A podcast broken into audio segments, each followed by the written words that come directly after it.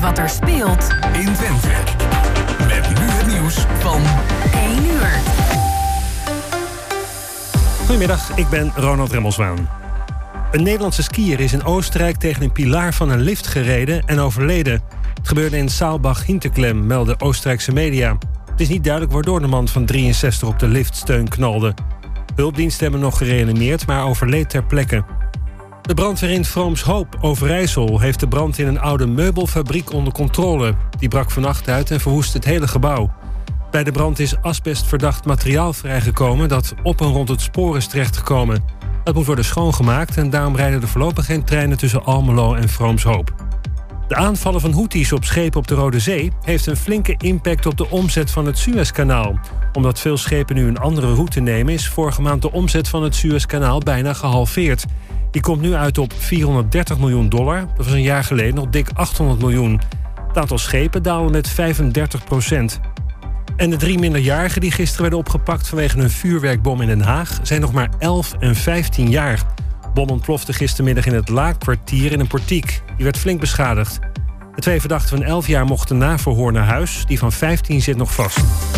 En dan nu het weer van Weer Online. Bewolkt en er valt af en toe wat regen. Het is met een graad of 11 zacht. Morgen af en toe zon en nog steeds veel wind. En tot over het ANP-nieuws.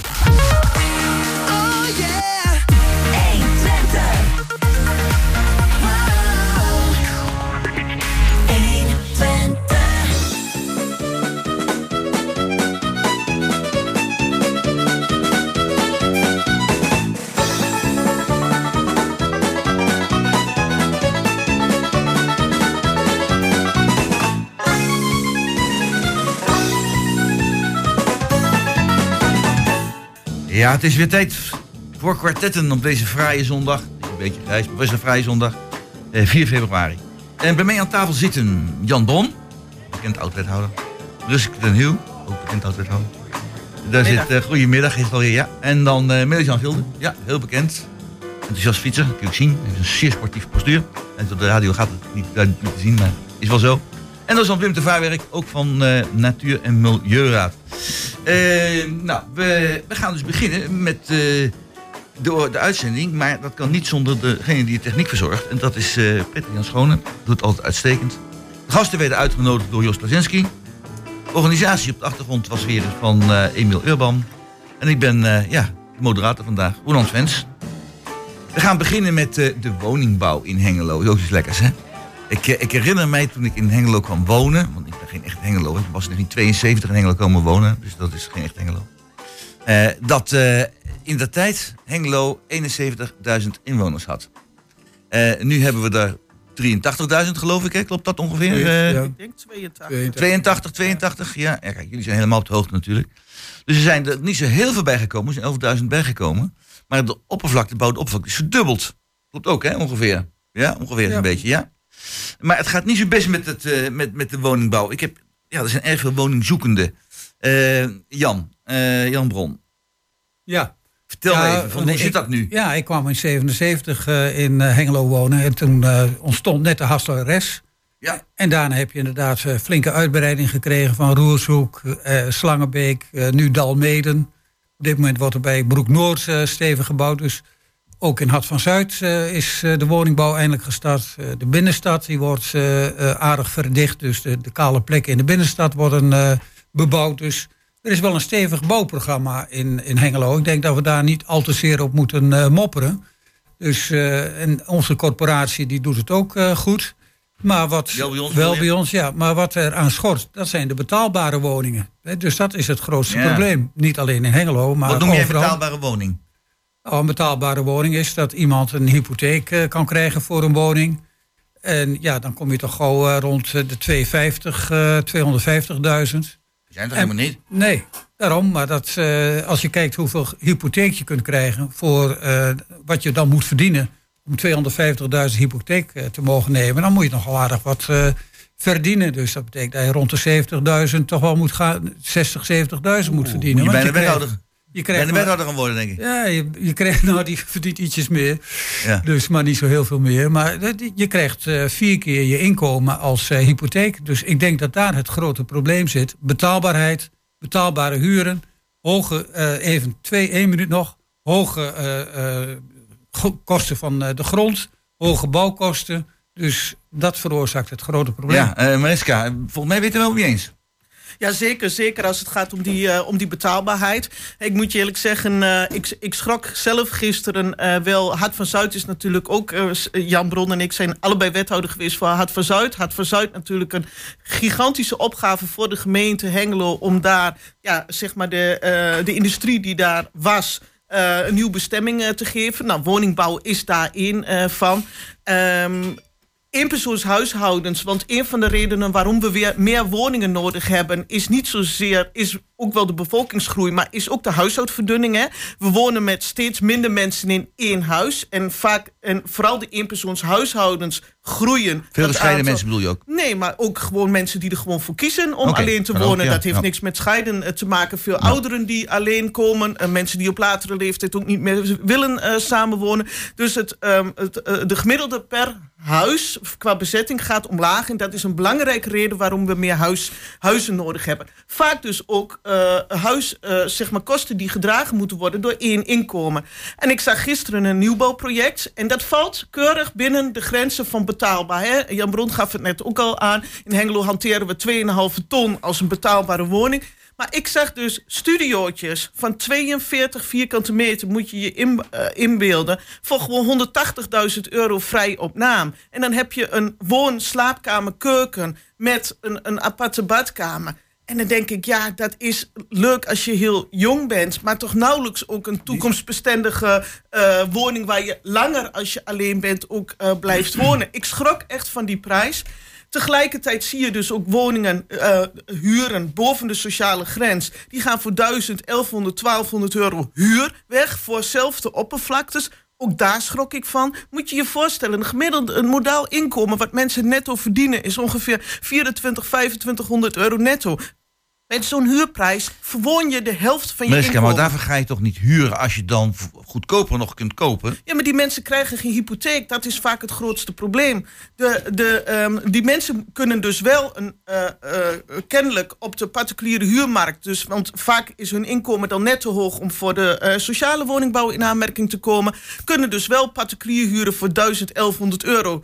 Verwonen dan ongeveer de helft van hun inkomen. Maar kwalificeren zich dan niet bij de bank voor een hypotheek. Waardoor ze zo'n studio kunnen kopen van 180.000 inwoners. Ik vind dat een groot probleem. Nou, en tel daarbij op. ehm, in 23, en ik ben het met Jan eens. Er is best een redelijk eh, woningbouwprogramma in, eh, in Hengelo. Maar ik maak mij wel zorgen over de, ook de woningbouwdip die er aankomt. Met eh, de omstandigheden die Jan ook aangeeft. Bouwkosten die duurder worden. Loonkosten die duurder worden. Of dat bouwprogramma gerealiseerd gaat worden.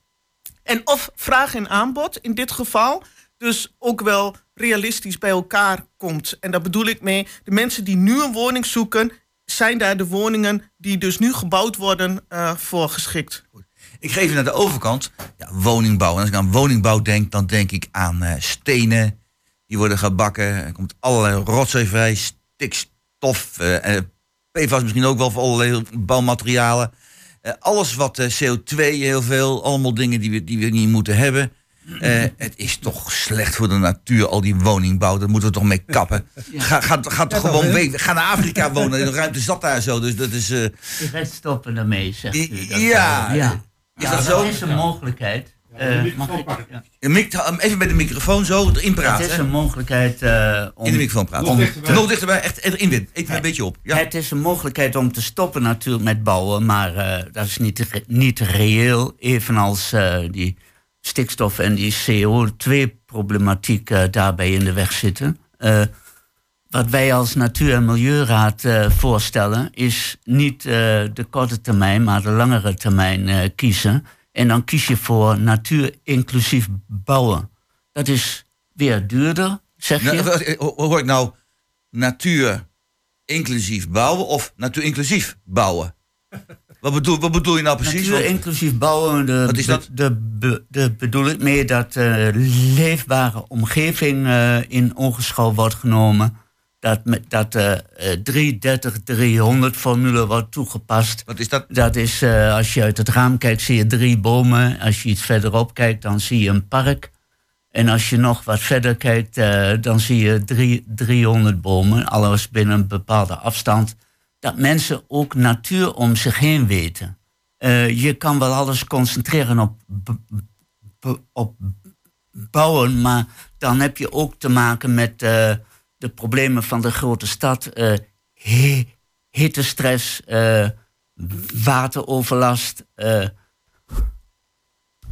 en, en als je weet dat bomen zorgen voor de koelte in de stad en, en water ook een, een bron van ontspanning is. en en ja, hoe moet ik dat nou zeggen? Wat is water in de stad? De beken die worden hier bijvoorbeeld eh, weer opnieuw opengelegd. Alleen omdat de natuur en de mensen eh, daarbij een grotere kans krijgen om, om goed te kunnen wonen. Ja, Jan wou erop reageren. Ja, nobel streven hoor, dus eh, geweldig. De 30 of Ja, 33, schiet maar 300. raak. Maar de Ja. vraag is, ja, waar kun je dat realiseren? Ja. Ben jij dus voorstander van hoogbouw? Eh, dat, Want- i- want dat dan- dan haal je dat makkelijker. haast, eh, ho- hoogbouw in, maar de woningmarkt zou beter moeten kijken naar, zoals Mariska net al zei, eh, wat is de behoefte van de nieuwe woningeigenaar? En, en die is niet een eensgezinswoning met drie, vier slaapkamers. Nee, dat klopt. Want daar zitten nou de meeste mensen in. Of ze nou met één of twee of drie zijn. eh Ja, ja we het zullen is in, allemaal ja, van dezelfde formule. Ik stel voor dat we die formule veranderen.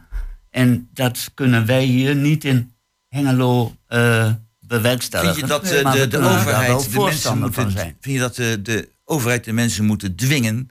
En bijvoorbeeld, je hebt oudere mensen en die, die wonen in een, in een, in een huis met, met drie, vier slaapkamers. Eh, en een zolder erbij, eh, en een kelder erbij en alles erbij. Die wonen daar met z'n tweeën. Straks misschien zelfs wel alleen of zo. Vind je dat de overheid die mensen niet moet dwingen dat te gaan doen? Mag ik daar wat over zeggen? Zo? Ja, mag ook. Ja, maar- Mariska? eh, Nou, ja, kijk, ik zie daar twee groepen in. Hè. Ouderen ehm, die dus in een koopwoning wonen, inderdaad in zo'n gezinswoning, maar die over het algemeen het huis vrij hebben. ehm, die vaak in zo'n buurt wonen waar ze ook hun contacten hebben. Die er echt niet op zitten te wachten vanwege de rommel, het gedoe om te verhuizen. En dan is ook nog wel, als het huis voor verkopen naar een appartement, is ook nog wel een stap. Maar mensen die in een huurwoning wonen, wonen daar vaak al heel lang, hebben een lage huurprijs. Als die dus naar, ook als ze naar huur, sociale huur over moeten, die gaan gelijk 200, 300 euro in de maand er Meer. aan, aan, aan- meer aan huur betalen. Het zijn mensen die dus lage inkomens hebben, eh, vaak onder de sociale eh, grens. Die gaan dat niet doen. Dus die houden ook in de huursector. Ik weet dat wel bij ons wel inzet op die doorstroom. Maar die zetten om die reden, houden ze die woningen bezet. Want het alternatief is gewoon niet aantrekkelijk. Misschien wel qua welzijn, want ze hebben een gelijkvloerse woning. Maar qua ehm, inkomen zeker eh, niet. Dus ik zie daar twee groepen in. Ouderen die in grote koopwoningen wonen, vaak kinderen wat verder weg, zien gewoon op tegen de sores die ze hebben met verhuizen en alles wat daarbij hoort. En de andere groep, de huurders, ik chargeer nou een beetje, is het gewoon inkomenstechnisch vaak geen Eh, aantrekkelijk even, mijn, mijn, scenario. vraag, mijn vraag is ook van, het is niet aantrekkelijk, maar moet er niet gedwongen worden? Maar moet de overheid niet ingrijpen? De staat niet ingrijpen in deze nou misstand? ja, in ik vind dwingen vind ik een, een slecht verhaal. Maar Eh, eh, kom. Dwingen is een slecht verhaal. Maar je zou dus, kijk, voor, we weten hoe erg de huurmarkt, de sociale huurmarkt ook op slot zit. Hoe doorstroom daar ook jonge mensen eh, ook kan helpen. Dan zul je toch als overheid moeten gaan nadenken, wat kunnen wij doen? Bijvoorbeeld door die huren te matigen van de mensen die dus wel naar zo'n 55 plus of zo'n seniorenwoningen gaan. eh, om dus eh, die, die overgang financieel gezien eh, minder zwaar te maken. Want dan stimuleer je het wel. En mensen die in koopwoningen wonen, ja, daar zul je ook toch naar moeten kijken. Kun je op de een of andere manier de mensen helpen te ontzorgen dan om die stap wel te nemen? Maar vergis je niet, mensen zijn over het algemeen, hoe langer ze er wonen, erg gehecht aan hun buurt, aan een sociale omgeving, aan het netwerk. Vergis je niet hoe belangrijk het is als je ouder wordt. Dat je een netwerk in de buurt hebt waar mensen elkaar helpen, waar er naar elkaar om wordt gekeken. Mensen zitten niet te wachten om dan te verhuizen. Oh, Oké, Jan als laatste, dan gaan we het onder... Nou, ik ben het ook wel met, met Wim eens dat we naar andere formules moeten. Hè? Dus eh, we hebben te, Ja. te lang in Nederland voor één type woning gebouwd. Het type dat jij ook beschreef. Dus we zullen nieuwe formules moeten ontwikkelen. En daarmee Zoals? ook de, nou, de betaalbaarheid. eh Mariska die noemde ook al een aantal voorbeelden. We zullen kleiner moeten bouwen. Ook gericht op éénpersoonshuishoudens. Maar je hebt nog een mooi initiatief in Hengelo net gekregen. Hè, dus het brokanthuis. En als Ja. je dan kijkt naar de prijzen, hè, dan eh, even weer eh, de kritiek die Mariska net ook had. Bij brokanthuis ligt de huur voor één persoon op 995 euro. En ben je met z'n tweeën Ja. op 1170 euro. Dat zijn wel die hoge prijzen die voor heel veel mensen onbereikbaar zijn. Dat, dat, dat klopt. Goed, dan gaan we dit eh, onderwerp dan even afsluiten. Want we kunnen hier gegarandeerd het hele uur mee vullen. Geen probleem.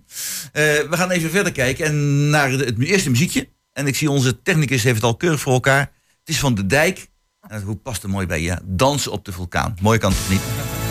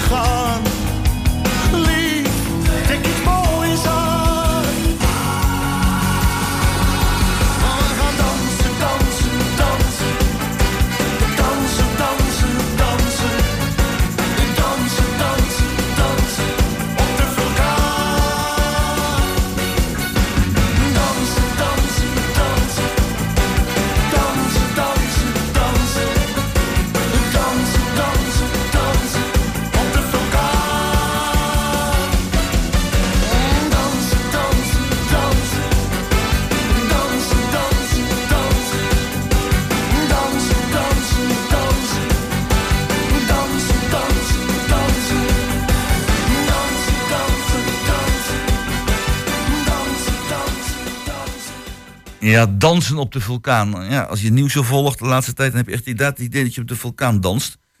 Eh, soms eh, letterlijk, maar meestal figuurlijk, helaas. Maar we gaan het hebben over het, het verkeer. Eh, in, de, in de afgelopen, ja, waar hebben ze het over? Als in Hengelo, waar praten de mensen over? Dan hoor je vaak, we praten over het weer als je elkaar tegenkomt. En dan praat je ook over, over het verkeer. Dat is wonderlijk. Dat is, alle andere onderwerpen zijn er ook wel, maar dat zijn twee onderwerpen die heel veel naar voren komen. Nou, vandaag weer hebben we over het verkeer. Je hebt dus het openbaar vervoer, je hebt autoverkeer, je hebt het fietsverkeer. Nou, laten we beginnen met waarschijnlijk het meest eenvoudige, het fietsverkeer. En ik weet, Melis Jan, dat jij een fietser bent en ook heel veel gedaan op dat gebied. Eh, dus kruip maar even bij de microfoon, even dichtbij, echt erin praten. En dat, ehm, eh, ja, de F35. Dat, dat is toch eigenlijk een, een, een bron van zorgen, wat ik wil noemen. Sorry Jan, maar een, is een bron van zorgen. Dus eh, ik ben eh, hoe, founder hoe, geweest, hè? eh, zie ik dat goed? Of denk je bij jezelf van, nou, die F35 die is geweldig? Nou ja, kijk, de F35, als die uiteindelijk helemaal klaar is, is die geweldig natuurlijk. Dus daar hoef je niet veel van te zeggen. Maar dat, het masterplan is van 2009. Ja, Eh, daar staat inderdaad de naam van Jan Bron onder. Maar weet je, voor wat het waard is, zeg ik allemaal weer. We zijn nu bijna, nou ja, geen 20 jaar later, maar het begint al aardig op te schieten. Ik denk dat het wel 20 jaar gaat duren voordat die F35 uiteindelijk gerealiseerd wordt. Zo. Dat duurt nog langer dan zeg maar een snelweg tussen eh, Rotterdam en Delft aanleggen. hoe komt dat? Ja, dat is een grote vraag. Weet je Dat- nee, heb ik ga het aan antwoord de op. deskundige vragen. Jan Bron, Jan Bron, vertel me even van, eh, hoe komt dat? Nou, de, de moeilijkheid ligt er in het feit dat je dwars door de stad gaat. En eh, dwars door de stad gaan, dat vergt eh, hoge investeringen. En eh, ja, dus geldstromen die zijn niet ontoereikend eh, wat dit betreft. We- investeringen, en waar- wat we in Hengelo heel slim gedaan hebben... dat is steeds eh, gecombineerd met eh, rioleringsaanleg. Oh ja. Dus op het moment dat er ergens in de straat een riolering eh, eh, vervangen moet worden... of een, een verkeersregelinstallatie vervangen moet worden... dan eh, speelt de afdeling verkeer er heel goed op in... om op dat moment ook eh, eh, nieuwe eh, ja, systemen eh, erin te voeren... zoals eh, de F35... eh, ja, slimme verkeerslichtinstallaties en dergelijke. Dus we moeten helaas nogal eens gebruik maken van die mogelijkheden. Maar ik wil ook graag zeggen dat de provincie Overijssel, die dus die functie van de regio Twente heeft overgenomen, dat die eh, 80% subsidieert. Dus eh, dat Ja, is eh, dat, dat, een mooi dat, bedrag. dat, weet ik nog wel. Dus ja, eh, het ja. vlot wel. Eh, ook in Enschede zijn ze bezig met eh, bijvoorbeeld fietsbruggen. Die kosten natuurlijk miljoenen. En eh, ja, geld is, eh, wordt steeds schaarser in ons Ja. land. En dat merken we ook wel aan de formatiebesprekingen op dit moment. en, mm, ja, dus eh, we, we proberen het zo goed mogelijk te doen. Maar ik kan het wel met Melis Jan eens zijn. Het, eh, het vergt eh, veel tijd, een lange adem. Maar jullie hebben het zelf ook altijd eh, fantastisch gestimuleerd om het fietsen altijd goed voor het voetlicht te brengen in de gemeente Ja. Hengelo. Dus Wim, eh, eh, daar had ik ook wel ik eens zie, steun jou, ik zie jou knikken dat je het ermee eens bent. Het was ook nodig dat de Fietsersbond, het was ook nodig dat de Fietsersbond hierin eh, werd geactiveerd. eh, want het fietsersbeleid sinds de jaren tachtig van de vorige eeuw heeft een revolutie doorgemaakt. Eh, je kunt wel zeggen dat de stedelijke architectuur in die jaren erop gericht was dat, het, dat de fiets geleidelijk aan uit het stadsbeeld zou verdwijnen. En dat was hier in Hengelo was dat ook zo. Het is een tijd lang zo geweest dat fietsparkeerplaatsen, die moesten gewoon weg.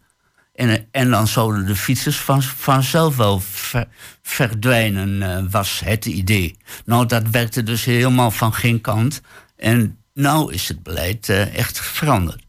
Goed, Mariska, eh, ik zie jou kijken van, nou, het moet toch nuanceren, of niet? Nee, nee, zeker niet. Oh. Ik, ik denk dat eh, ehm, wat er in Hengelo is gebeurd... en eh, ook de investering in de fietspaden, et cetera... en dat de binnenstad goed bereikbaar is... dat dat door iedereen wordt erkend. Hengelo is ook echt een fietsstad. Hè? De stad is Ja. dermate compact... dat alles echt nog wel goed met de fiets bereikbaar is. Ook vanuit Slangenbeek. Maar toen jij zei, fietsen moest mij één ding... zit mij hoog en moet mij even van het hart. Ik werk veel in het, in het land. Ik maak heel veel gebruik van het station. Ik fiets elke dag. Ik kan ook naar het Ooststation lopen. Maar ik fiets meestal hier naar het, eh, naar het grote eh, station. En we hebben natuurlijk, eh, Jan weet het ook... we hebben ooit een, een geweldig mooie fiets... parkeergarage gebouwd, zal ik maar zeggen, in de open lucht. Maar onder het station zit een, een bewaakte fietsenstalling ja. van, zeg maar van ProRail of van de NS. En die staat gewoon 's ochtends om half acht helemaal vol. En wat mij bekruipt is dat wij destijds, toen we die grote fietsparkeergarage bouwden, was, waren die e-bikes en de fatbikes en, al, en gro- eh, eh, een bakfietsen, al die dingen, die waren natuurlijk nog niet zo hot als nu. En, eh, maar nu zie je dus, alle mensen met elektrische fietsen, met duurdere fietsen, zetten allemaal de fiets onder in de kelder. Bewaakt, hè? Ja. bewaakt achter een poortje. Dus dat geeft toch een stukje comfort van hij staat veilig. Is vaak denk ik ook door verzekeraars misschien wel vereist. Maar mij bekruipt, wat moet, als ik nou in Deventer kom, in Zutphen, in Arnhem, in Apeldoorn, op al die stations heb je gigantische fietskelders, Zwolle, prachtig geworden. Hengelo is gewoon als eh, knooppunt niet meer up-to-date met de fietskel- met de fiets, eh, eh, zeg maar, stalling die we hebben van ProRail. En we zouden, ook als we meer mensen willen stimuleren om met de trein te gaan, dat is toch wat de, de komende jaren gaat gebeuren, moeten we echt zo snel mogelijk met ProRail het gesprek aan gaan om die ruimte te gaan uitbreiden. Dan wel de fietsparkeergarage die er is, ook op de een of andere manier toch iets meer overdekt te maken of achter een poortje te zetten. Zitten. Eh, Jan, eh, volgens mij kun je dat wel steunen, dit, deze gedachte. Ja, nee, ik, ik ben hier niet eh, over verbaasd over deze conclusies. Want Nee. ja, ik, eh, als eh, nou, nee, voormalig fietsersbond-activist, noem ik het maar eventjes. Kijk, eh, ik, het is allemaal bij mij langsgekomen. Eh, ja, het gaat soms wel eens wat traag. Eh, ik denk dat het wel vo- vooruitgang is. Ik had wat, wat, wat dat betreft graag Hengelo gezien als fietsstad in eh 2018, geloof ik. Heb ik geprobeerd de hele gemeenteraad achter me gekregen. Maar eh, ja, weet je, op een gegeven moment liep dat wel een beetje. Ik kreeg een aantal dingen waardoor het wat stroef leek te gaan. Eh, ja, en dan kan ik daar mijn energie aan blijven spenderen. Ik dacht, dacht nou, Nee. misschien zijn er nog wel belangrijke dingen in het leven. Dus, en we hadden het net over bouwen. Waarom willen mensen hier überhaupt in Twente wonen? Dat, ik denk dat het ook de woonkwaliteit betreft. Ja. Ik ben zelf dus ook geen tukker. Ik ben hier eh, ja, vanuit Lelystad, eh, kale, kale vlakte, naartoe geëmigreerd. Om het maar even zo gemigreerd, eh, om het een ander woord te noemen. Eh, en ik ben hier blijven hangen, want het is hier gewoon prachtig. Het is jij fijn wonen, ja. Het is fijn wonen. En hoe komt dat? Nou, Ja, hoe dat- komt dat? daar heb ik dus wel een antwoord op. Is, ja, daarom zit ik ook bij de Natuur- en Milieuraad. Weet je, een groene leefomgeving, dat is de basis voor eh, prettig wonen. Daarom komen mensen, denk ik, actief ook weer terug naar Twente. En dat is denk ik ook misschien een beetje het probleem tussen aanhalingstekens. Daar krijg je ook meer druk op de woningmarkt van. ja, ja. Eh, maar het is wel een drijfveer. Ik- Zonder mensen eh, bestaat een regio niet. En, en zeker niet zonder, zonder jonge mensen. Eh, en als die jonge mensen zeg maar, eh, ja, eh, in een fase komen dat ze gewoon ja, kinderen en ik, zich willen settelen, dat heeft ruimte nodig. Dus, en dat, dat schetst Mariska tere- terecht. Oudere gezinnen met kinderen uit, uit het huis, weet je, die, die hebben bij wijze van spreken ruimte overschot. Dus hoe krijg je daar doorstroming in? Ik zit zelf ook bijna tegen zo'n situatie in dat ik inderdaad drie slaapkamers te veel heb. Ja. Maar even terugkomen En- naar, naar het fietsen, hè? Ehm, dus jij, jij vindt in feite ook dat er wat meer ruimte moet komen, bijvoorbeeld bij het station, om die fietsers eh, dus onder te brengen. Nou ja, wat daar bij, eh, bij het Hengeloze station, en je, je kunt het met Zwolle gaan vergelijken, bij wijze van spreken. Daar, daar, daar, is heel veel recent geïnvesteerd.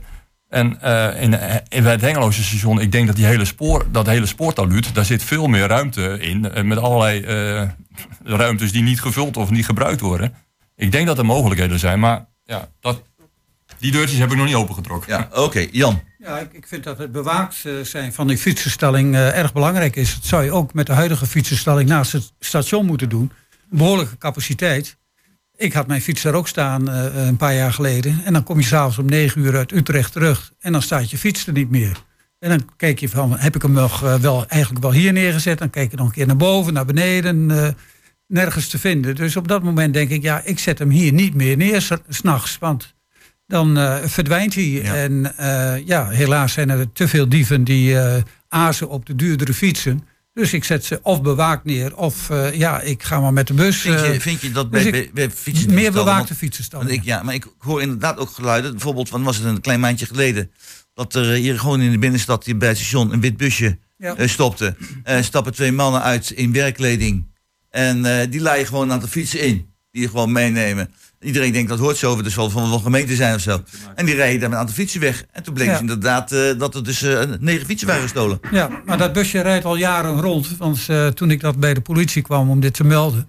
Ja, dat, tegenwoordig kan het alleen nog maar digitaal, maar die zei hetzelfde. Dus je, ja, fiets moet je met meerdere sloten vastzetten tegenwoordig. Niet, je kunt er niet meer gewoon op slot zetten.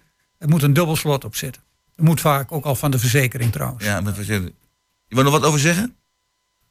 Nou, niet, niet echt super belangrijk, maar eh, ik heb een stadsfiets en die zal niemand meenemen, want die is niet elektrisch. Nou, een, een, een me-bike dus. Heet dat. Moet je zelf dat trappen. is, eh, verstandig, dat- Wim. Ja. Dat is het advies dat ik veel mensen geef eh, hier, hier, Ja. hierin, want het is Ja, gewoon ja, niet vertrouwd. Oké. Midden Jan. Nee, dus dat, dat is een goed punt. Hè? Gewoon een goedkopere fiets nemen, maar dat is toch niet de trend. Eh, dus hoe ga je dat dan wel inrichten? Van mijn vrouw twee keer elektrische fiets gestolen bij winkelcentrum eh Haslo. En waarom? Omdat die fietsenstalling die daar is, die, die grenst aan de stalling voor de, voor de auto's, noem het maar even zo, aan de parkeerplaats. Dus je kunt je busje daar achterwaarts inrijden. En je wacht gewoon even tot er drie fietsen staan. Want voor één fiets kom je je busje niet uit, want het regent. En dan gaan ze drie fietsen tegelijk inrijden en weg. En zo werkt het. Ja. Eh, dus je kunt daar ook qua in- inrichting van je, je fietsomgeving eh, en, je, en je stalling in sturen. Kijk, deze stalling bij het station, daar kun je ook gewoon met je busje naast gaan staan en net doen alsof je daar moet, iets moet doen. Met je aannemersbusje. Dat, dat hoeft niet. Ja. Mijn, mijn betoog, als laatste, dan gaan we maar mijn betoog is eh, dus, eh, wij hebben destijds die eh, fietsparkeergarage neergezet. Die is niet meer van deze tijd. Ook als je kijkt naar de ontwikkelingen in andere steden, waar het ondergrond is en bewaakt achter poortjes Ja. zit. Wat het echt heel veel ingewikkelder maakt om er dus een busje naast te zetten. En mijn pleidooi is dus om zo snel mogelijk met ProRail of de NS in overleg te gaan. Hoe we dus ehm, de, de fietsenstalling. Want als je bij de andere stations kijkt, heb je het allemaal achter eh, poortjes zitten. En dat chipje met je OV-kaart, dat eh, maakt dat je toegang hebt met je, met je fiets. Dan stal je je fiets. Plus dat je nog eens een keer ziet, ehm, er komen steeds meer ehm, bredere fietsen, hè, met kratten, et cetera. Die kratfietsen, dat is ook het probleem eh, op de markt. Die kun je niet stallen in normale stallingen. Dus er moet gewoon gekeken worden, wat zijn de trends? Wat voor fietsen hebben mensen? En daar moet je je stallingsruimte op gaan aanpassen. En dan ben je ook bij de tijd, dan eh, eh, faciliteer je mensen ook die gewoon voor woonwerken, et cetera, van de trein gebruik maken. Oké. Goed, dan gaan we nu naar het, het volgende muziekje.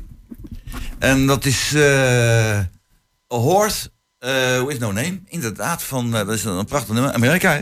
Nou, daar gaan we naar luisteren. On the first part of the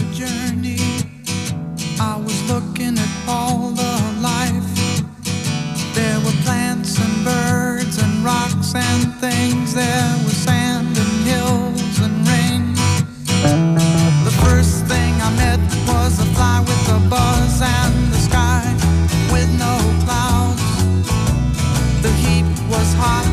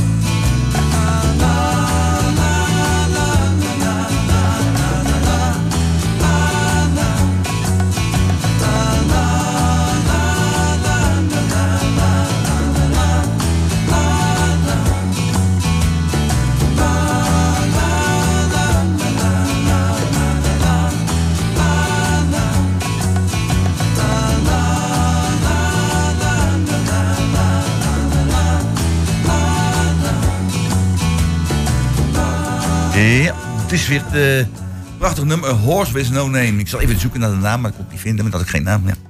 We gaan even iets anders doen. Ik, eh, ik herinner mij van, eh, zeker uit mijn jonge jaren, dan zat je met een groep mannen bij elkaar. Goed glas erbij. En dan praten we met elkaar en hadden we op één avond hadden we alle problemen van het land opgelost. Hè? Dat was eh, altijd geweldig. We wisten feilloos hoe het allemaal moest. We waren allemaal klojo's daar in Den Haag en wij hadden het En toen ben je de gemeenteraad ingegaan. Eh, dat was voordat ik de gemeenteraad ging. Toen kwam ik achter op andere dingen natuurlijk. En ik denk dat met jullie ook wel zo gegaan is. Maar het, eh, ik wil even, toch even naar Jan toe. Eh, Jan, Ja. Ehm, de kabinetsformatie.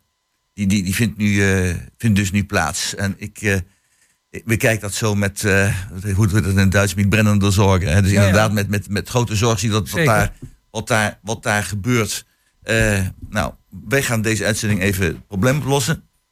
We gaan daar eh, meneer Plasterk mee helpen. Eh, dus eh, Jan, wat, wat betekent dit voor de gemeente, die kabinetsformatie? Wat, waar moeten ze op gaan letten en hoe kunnen we dan Hengelo daarmee goed op de kaart zetten? Nou, allereerst is het een van de belangrijkste knelpunten bij de formatie op dit moment de 17 miljard die volgens een, een ambtelijk begrotingscommissie voor eh, de begrotingsruimte, zo heet, zoiets heet die, eh, geeft aan, er moet 17 miljard bezuinigd worden. En ja, ga je dat doen of niet doen? Dus eh, twee partijen vinden van wel, twee partijen vinden van niet. Dus twee partijen vinden van je kunt het geld pas uitgeven als je het hebt. Dus de VVD en de NSC. En die andere twee die denken van ja, we hebben een heleboel verkiezingsbeloftes gedaan. En die willen we wat nakomen. Ja, dat nakomen kost alleen maar meer geld. En dat drukt ons dieper in de put. Wat belangrijk is in die financiën is natuurlijk welke financiële ruimte gaat eh, de gemeenten in ons land krijgen. En dus ook de gemeente Hengelo. En men is nogal beducht dat men de komende jaren eh, de teugels aangehaald moeten worden. En dat de gemeenten straks minder geld van de Rijksoverheid krijgen. En ja, hoe ga je dat dan doen straks? Ja, als, Dus- nou, eh, als nou, stel dat, dat dit helemaal fout gaat. Dat is best kunnen, want de, de vier Ja. lopen enigszins uiteen, mag ik wel zeggen, voorzichtig. Jazeker. Maar stel dat daarna eh, meneer Timmermans eh, aan, eh, aan eh, een gesprek komt. Eh, denk je dat hij dat beter gaat doen? Ik- hij wordt geconfronteerd met hetzelfde probleem. Dus hij zal ook eh, die 17 miljard ergens eh, moeten gaan vinden. En het wordt tegenwoordig is het ook steeds minder een probleem van links en rechts. Maar het is meer een probleem die we net ook bij de woningen eh, noemden. Dat is namelijk, eh, heb je inkomen of heb je eh, veel inkomen of heb je weinig inkomen. Dus we zullen eens heel goed moeten gaan kijken naar eh, hoe wij ons land denken te moeten regeren vanuit bepaalde mensvisies. En we kunnen niet maar gewoon door blijven gaan zoals we dat op dit moment doen. Dan draait de samenleving steeds slechter en zal het in Hengelo ook slechter gaan de Ja. komende jaren. Even naar, naar, naar Mariska. Mariska, wethouder van SP geweest. Lange tijd, succesvol, mag ik ronduit zeggen. Ehm, meneer Wilders, eh, ik, als het woord meneer ervoor gezet wordt, ben ik het meestal niet zo heel positief als raar altijd. Als de voornaam genoemd wordt, gaat het meestal goed. Als het, eh, maar zodra de, de meneer erbij staat, gaat het wat minder. Maar goed, eh, Mariska, eh, Geert, die eh, heeft wat de sociale eh, factor betreft, en eh, aansluitend op eh, Jan Bron, heeft hij grote overeenkomsten met de SP. Ik zie, hoor je even denken. Ja, ja, Dat, dat klopt. Als je En, kijkt- en eh, is, ja. zien, zien jullie, ja, misschien is het vloek in de kerk, maar zijn er mogelijkheden dat de SP en Geert Wilders eh, op een of andere manier kunnen gaan samenwerken? Ik zie het niet gebeuren. En ik denk eh, de achterband van de SP kennende.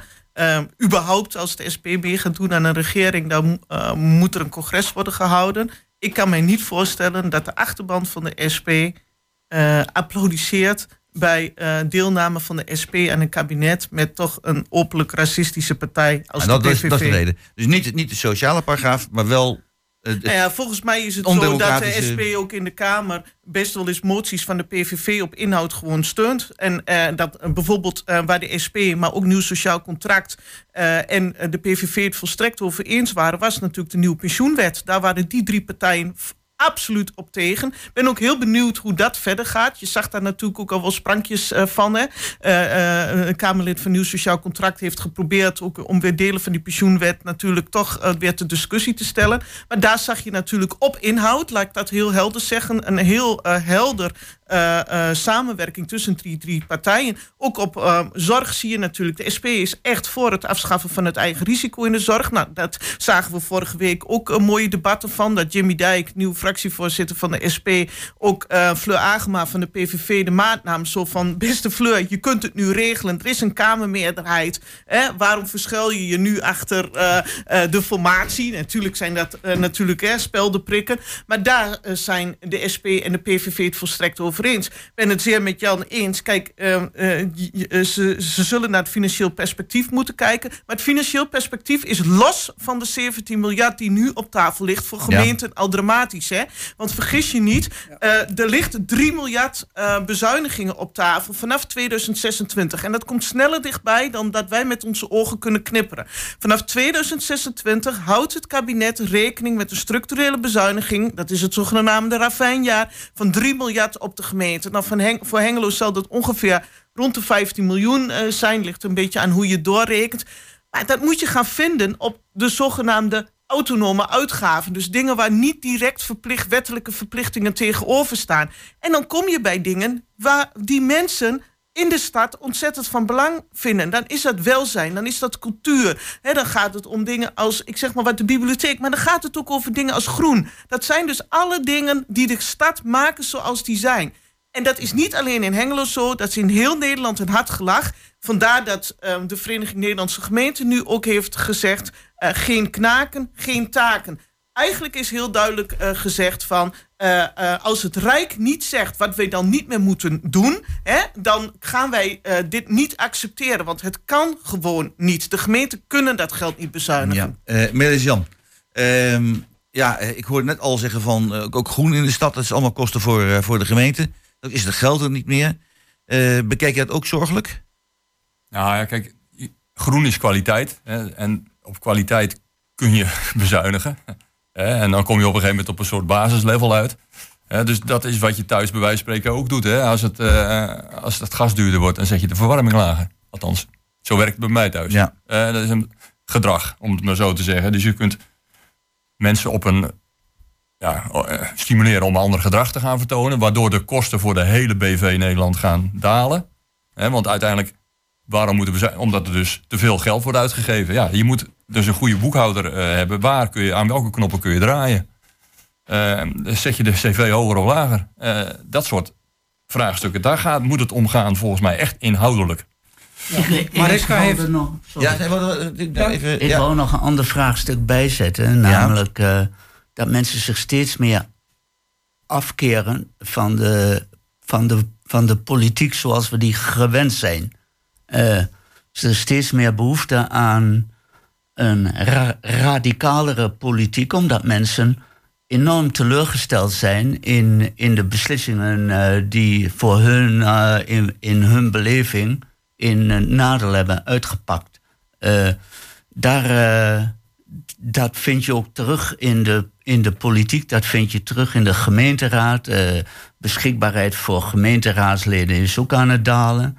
Eh, en om maar eens wat te noemen, eh, waar zijn de jongeren hier aan tafel om hier te praten eh, over, over, over politiek, om over groen eh, te praten, om over eh, dat te praten waar we het hier al een tijd over Maar hebben. jonge mensen hebben hier ook wel hoor, in de uitzending.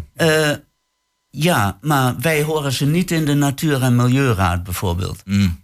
Waar ligt dat aan? Dat, aan. hebben ze geen belangstelling voor natuur en milieu? Volgens mij toch wel. Mijn kleinkinderen hebben daar zeker belangstelling voor. Eh, zo gauw het gaat om die saaie materie die wij behandelen, eh, dan, eh, ja, dan krijgen we nul op het. Eh, ik, ik, ik kan initiatief noemen dat ik onlangs genomen heb in mijn straat, los van de Natuur- en Milieuraad. En dan, toen werd mij ook duidelijk waarom of die afkeer van de politiek er zo is. Het is niet zozeer van de politiek, maar over besluitvormingstraject wat je, wat je moet bewandelen om zoiets voor elkaar te krijgen als een normale bu- buurtbom. Die heb ik aangevraagd voor mijn straat, want het leek mij leuk. Ik heb voor mijn huis een paar ro- rozen staan en eh, als de hele straat nu eens rozen zou hebben, eh, voor in het zicht eh, als je de straat binnenkomt rijden, dat zou pas echt leuk zijn. Ik vraag om die reden vraag ik een buurtbon aan. En er staat één regel op in de reden van de afwijzing. eh, is een privébelang. En dat maakt deel uit van de criteria om de buurtbom niet toe te kennen. Ik heb vervolgens bezwaar aangetekend. Want waar zit hier het privébelang? En ik zat vorige week, woensdag, zat ik voor de bezwarencommissie om dat te verdedigen. En toen eh, werd die gemeenteambtenaar ermee geconfronteerd en die besluit vervolgens om het in heroverweging te nemen. Dat betekent voor mij dat die, de, eh, dat die buurtbon in februari wordt toegekend, want dan is een nieuwe aanvraagtraject voor dat de buurtbon. maar Eh, goed, oké. Maar even, even, Als een jongere dat moet doen, ja? die haakt al af. Want dat zie je eh, bij veel mensen. Stress is iets dat. Ja, het levert stress op, het eh, aanvraag van zo'n buurtboom. Maar mensen eh, worden ook steeds meer geconfronteerd met stress. En dan krijg je dat er korte Is het besluiten niet zo dat de, de gemeente nu ook op een gegeven moment voorzichtiger geworden is met het uitgeven van geld, omdat ze ook de bui zien hangen, omdat landelijk. Kijk, Bobke Hoekstra heeft gezegd, we hebben diepe zakken, we kunnen heel veel doen. Nou, diepe zakken die zijn niet meer zo diep op het ogenblik. Maar is het ook niet zo dat iedereen nou voorzichtiger is geworden met geld uitgeven, omdat het gewoon moeilijker wordt? Je zou bewonersinitiatieven meer moeten stimuleren. En zo'n initiatief als ik gelanceerd heb. eh, je moet mij met de trompet binnenhalen van hier hebben we een bewoner die wil wat doen voor zijn straat. En dat is niet het geval. Je wordt eerder teleurgesteld daarin. Haak maar af, want. eh, En dat, dat patroon zie je ook door de rest van het land. Sorry? Ja, dat patroon zie je ook in de rest van het land. Ik denk dat. Ja. ja. Eh, Jan, Ja, nou, eh, een compliment, eh, Wim, want je hebt natuurlijk eh, doorzettingskracht getoond. Hè? En ik dacht dat, het even dat je ook op een gegeven moment zou gaan zeggen van de, we moeten meer gaan dereguleren. Dat merk je bijvoorbeeld ook met bouw, hè? de bestemmingsplannen. Als er één mens op tegen is, dan kan die voor, voor drie jaar vertraging zorgen. Dus ik ben ook hier voor sneller communiceren met de bewoner. Ga met de bewoner in gesprek voordat je die een afwijzing stuurt. En kijk wat hij echt wil. Hè? En dat, maar het is wel een politieke keuze om geld te geven aan eh, buurtinitiatieven. Ik vind ze heel belangrijk. Ik ondersteun dat volledig. Hè? Maar kijk inderdaad ook naar de regelgeving op zich. In onze stad, in ons land, is veel te ingewikkeld geworden. We moeten dereguleren en meer oog hebben dus voor eh, ja, zeg maar wat er op de straat gebeurt. Hè? Dat eh, zijn belangrijke dingen. Dat hebben de mensen ook. Het woongenoegen, hè, waar Melis Jan het ook over heeft. Dat en, is, en is zo erg ook, als we in de stad dereguleren, dat we dan efficiënter met geld om kunnen gaan? Ja, dat denk ik wel. Ja. Dat eh, bete- betekent ook minder bemoeizucht, be- minder procedures, zowel met, met ambtenaren als met, eh, met gerechtelijke macht. eh. dus dat kan zuiniger zijn, het hele proces. Als laatste Mariska, het laatste woord en dan gaan we naar het volgende muziekje. Ja? Ja, ik, ik ben daar wat meer, meer sceptisch over. Ik denk best wel dat je lokaal daar het een en ander kunt doen. Maar eh, vergis je niet, ehm, heel veel eh, zaken zullen op rijksniveau geregeld moeten worden en gefaciliteerd moeten worden. Dat begint bij waar we het net ook over hadden van eh, een stukje polarisatie. Hoe komt het dat mensen zich afkeren van de politiek? Een onderwerp als bestaanszekerheid heeft alles met inkomenszekerheid te maken. Dat zal op rijksniveau geregeld moeten worden. Het hele gedoe rond toeslagen, rond de bureaucratie, zal op rijksniveau geregeld moeten worden. Het bouwen, bouwen, bouwen, de procedures, bestemmingsplannen en eh, dat je dat anders kunt doen, zal op rijksniveau geregeld moeten worden. En wat dat betreft is het natuurlijk in die zin, het was niet mijn kabinet, maar betreurenswaardig dat er maar weer een kabinet minder dan twee jaar heeft gezeten. Het ligt nu weer bijna straks een jaar stil, watch my words, want ik geloof zeker niet dat deze partijen er zomaar uitkomen. Met als gevolg dat al die issues waar iedereen zit te wachten op helderheid, op harmonisatie, op ontzorgen, op ding, dat daar gewoon niks van terecht komt. Grote systeemwijzigingen, of het nou de marktwerking in de zorg is waar iedereen klaar mee is, of eh, het versimpelen van de inkomens, eh, eh, het verbeteren van bestaanszekerheid en het verbeteren van inkomenssituaties van mensen hebben allemaal looptijden van vier tot zes jaar. Elk jaar dat je daar langer aan begint om dat te verbeteren, is weer een verloren jaar, waardoor de frustratie van mensen alleen maar groter wordt. Ja. Goed, dan gaan we nu even nog een stukje muziek luisteren. Niet, misschien niet helemaal, want altijd mensen nog het laatste woord geven, iets willen zeggen. Eh, het nummer is eh, van Chicago, Saturday in the Park.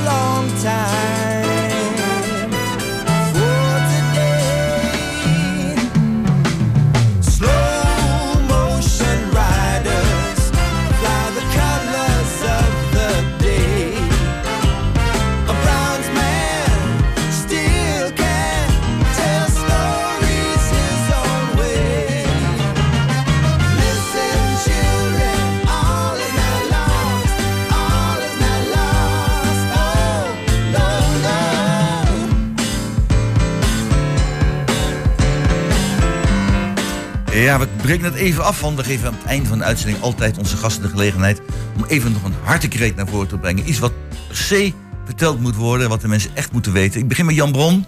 Eén minuutje, niet langer, want anders komen we tijd tekort. Vertel. Ja, nou, ik eh, zag op de lijst van deze week ook staan het afvalbeleid. Ja? Ik zou eens graag een rekenkameronderzoek willen hebben naar de kosten van het huidige afvalbeleid. Als ik nu hier vanuit de studio uit het raam kijk, zie ik drie afvalcontainers. Het kost klauwenvol met geld om die te verzorgen. Eh, Het hele systeem van eh, de containers op dit moment kost klauwen met geld. En ik vraag me af of er niet nieuwere, betere systemen zijn om het afval op te halen.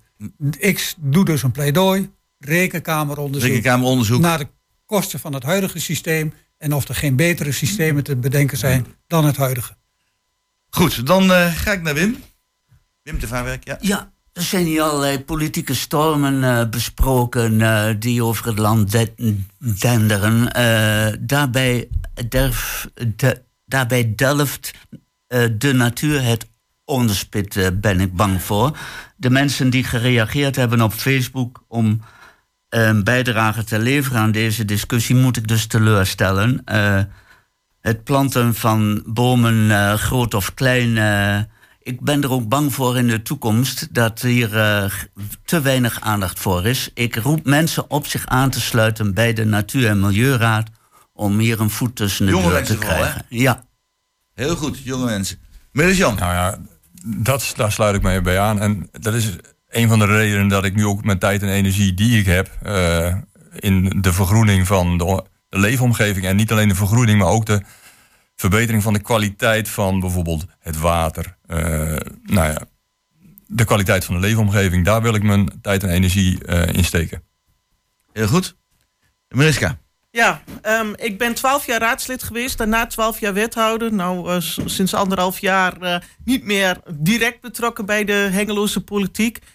Maar ik moet je eerlijk zeggen ehm, dat ik het een ontzettend matte toestand eh, vind. Wat ik op dit moment ehm, vanuit het stadhuis zie eh, gebeuren. Het lijkt erop alsof er nauwelijks enig politiek debat eh, plaatsvindt.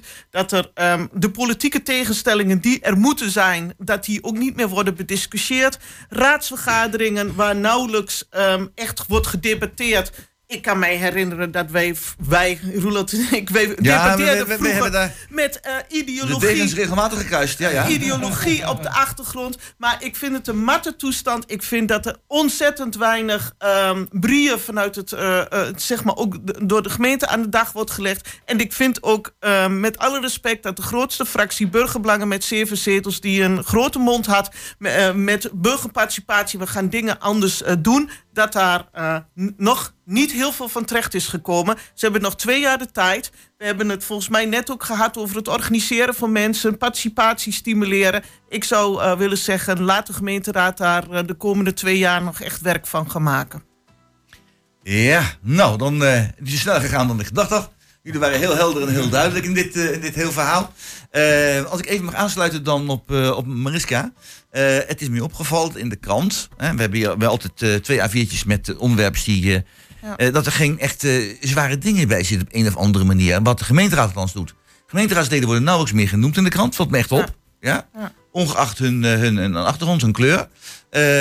Wethouders zie ik ze nu dan wel. Als er dan een van de projecten is wat in de stad gebeurt, dan dat nog wel. Maar voor de rest ook niet meer uitgesproken. Ook Want, eh, ik kunt het als compliment beschouwen, Jan en Mariska. Jullie verschenen de tijd regelmatig in de krant met allerlei dingen.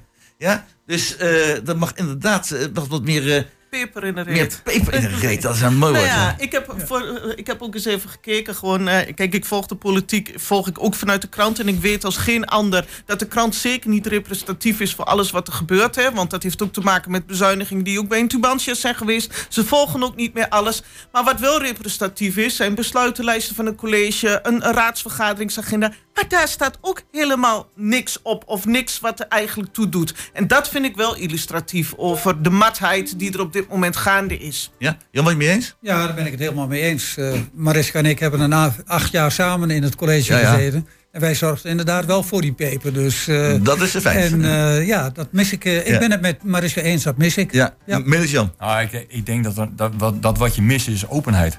Volgens mij gebeuren er wel dingen. Oh, ja, ja, ja. Alleen, wat? Het is besloten, heel veel. Het, is, het wordt in de achterkamertjes geregeld. Ja. Denk ik. Vermoed je? ik. Maar Ja.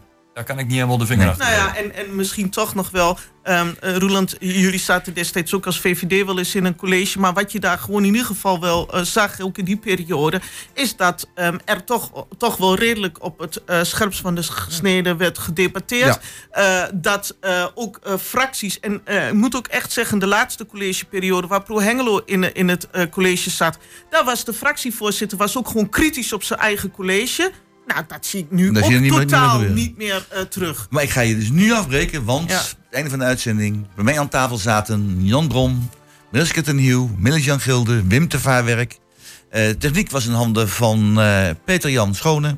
De gasten werden uitgenodigd door Jos Kaczynski. Organisatie was in handen van Emil Urban. En uw ja, presentator, moderator en gespreksleider, hoe je het noemen wil, Bas Roeland fans. Ik heb er weer van genoten, heerlijk. En heel fijn om oude mensen uit de politiek weer terug te zien. hier. En het wordt dan van vroeger uit oud, hè? Dus niet nou, we zijn hartstikke jong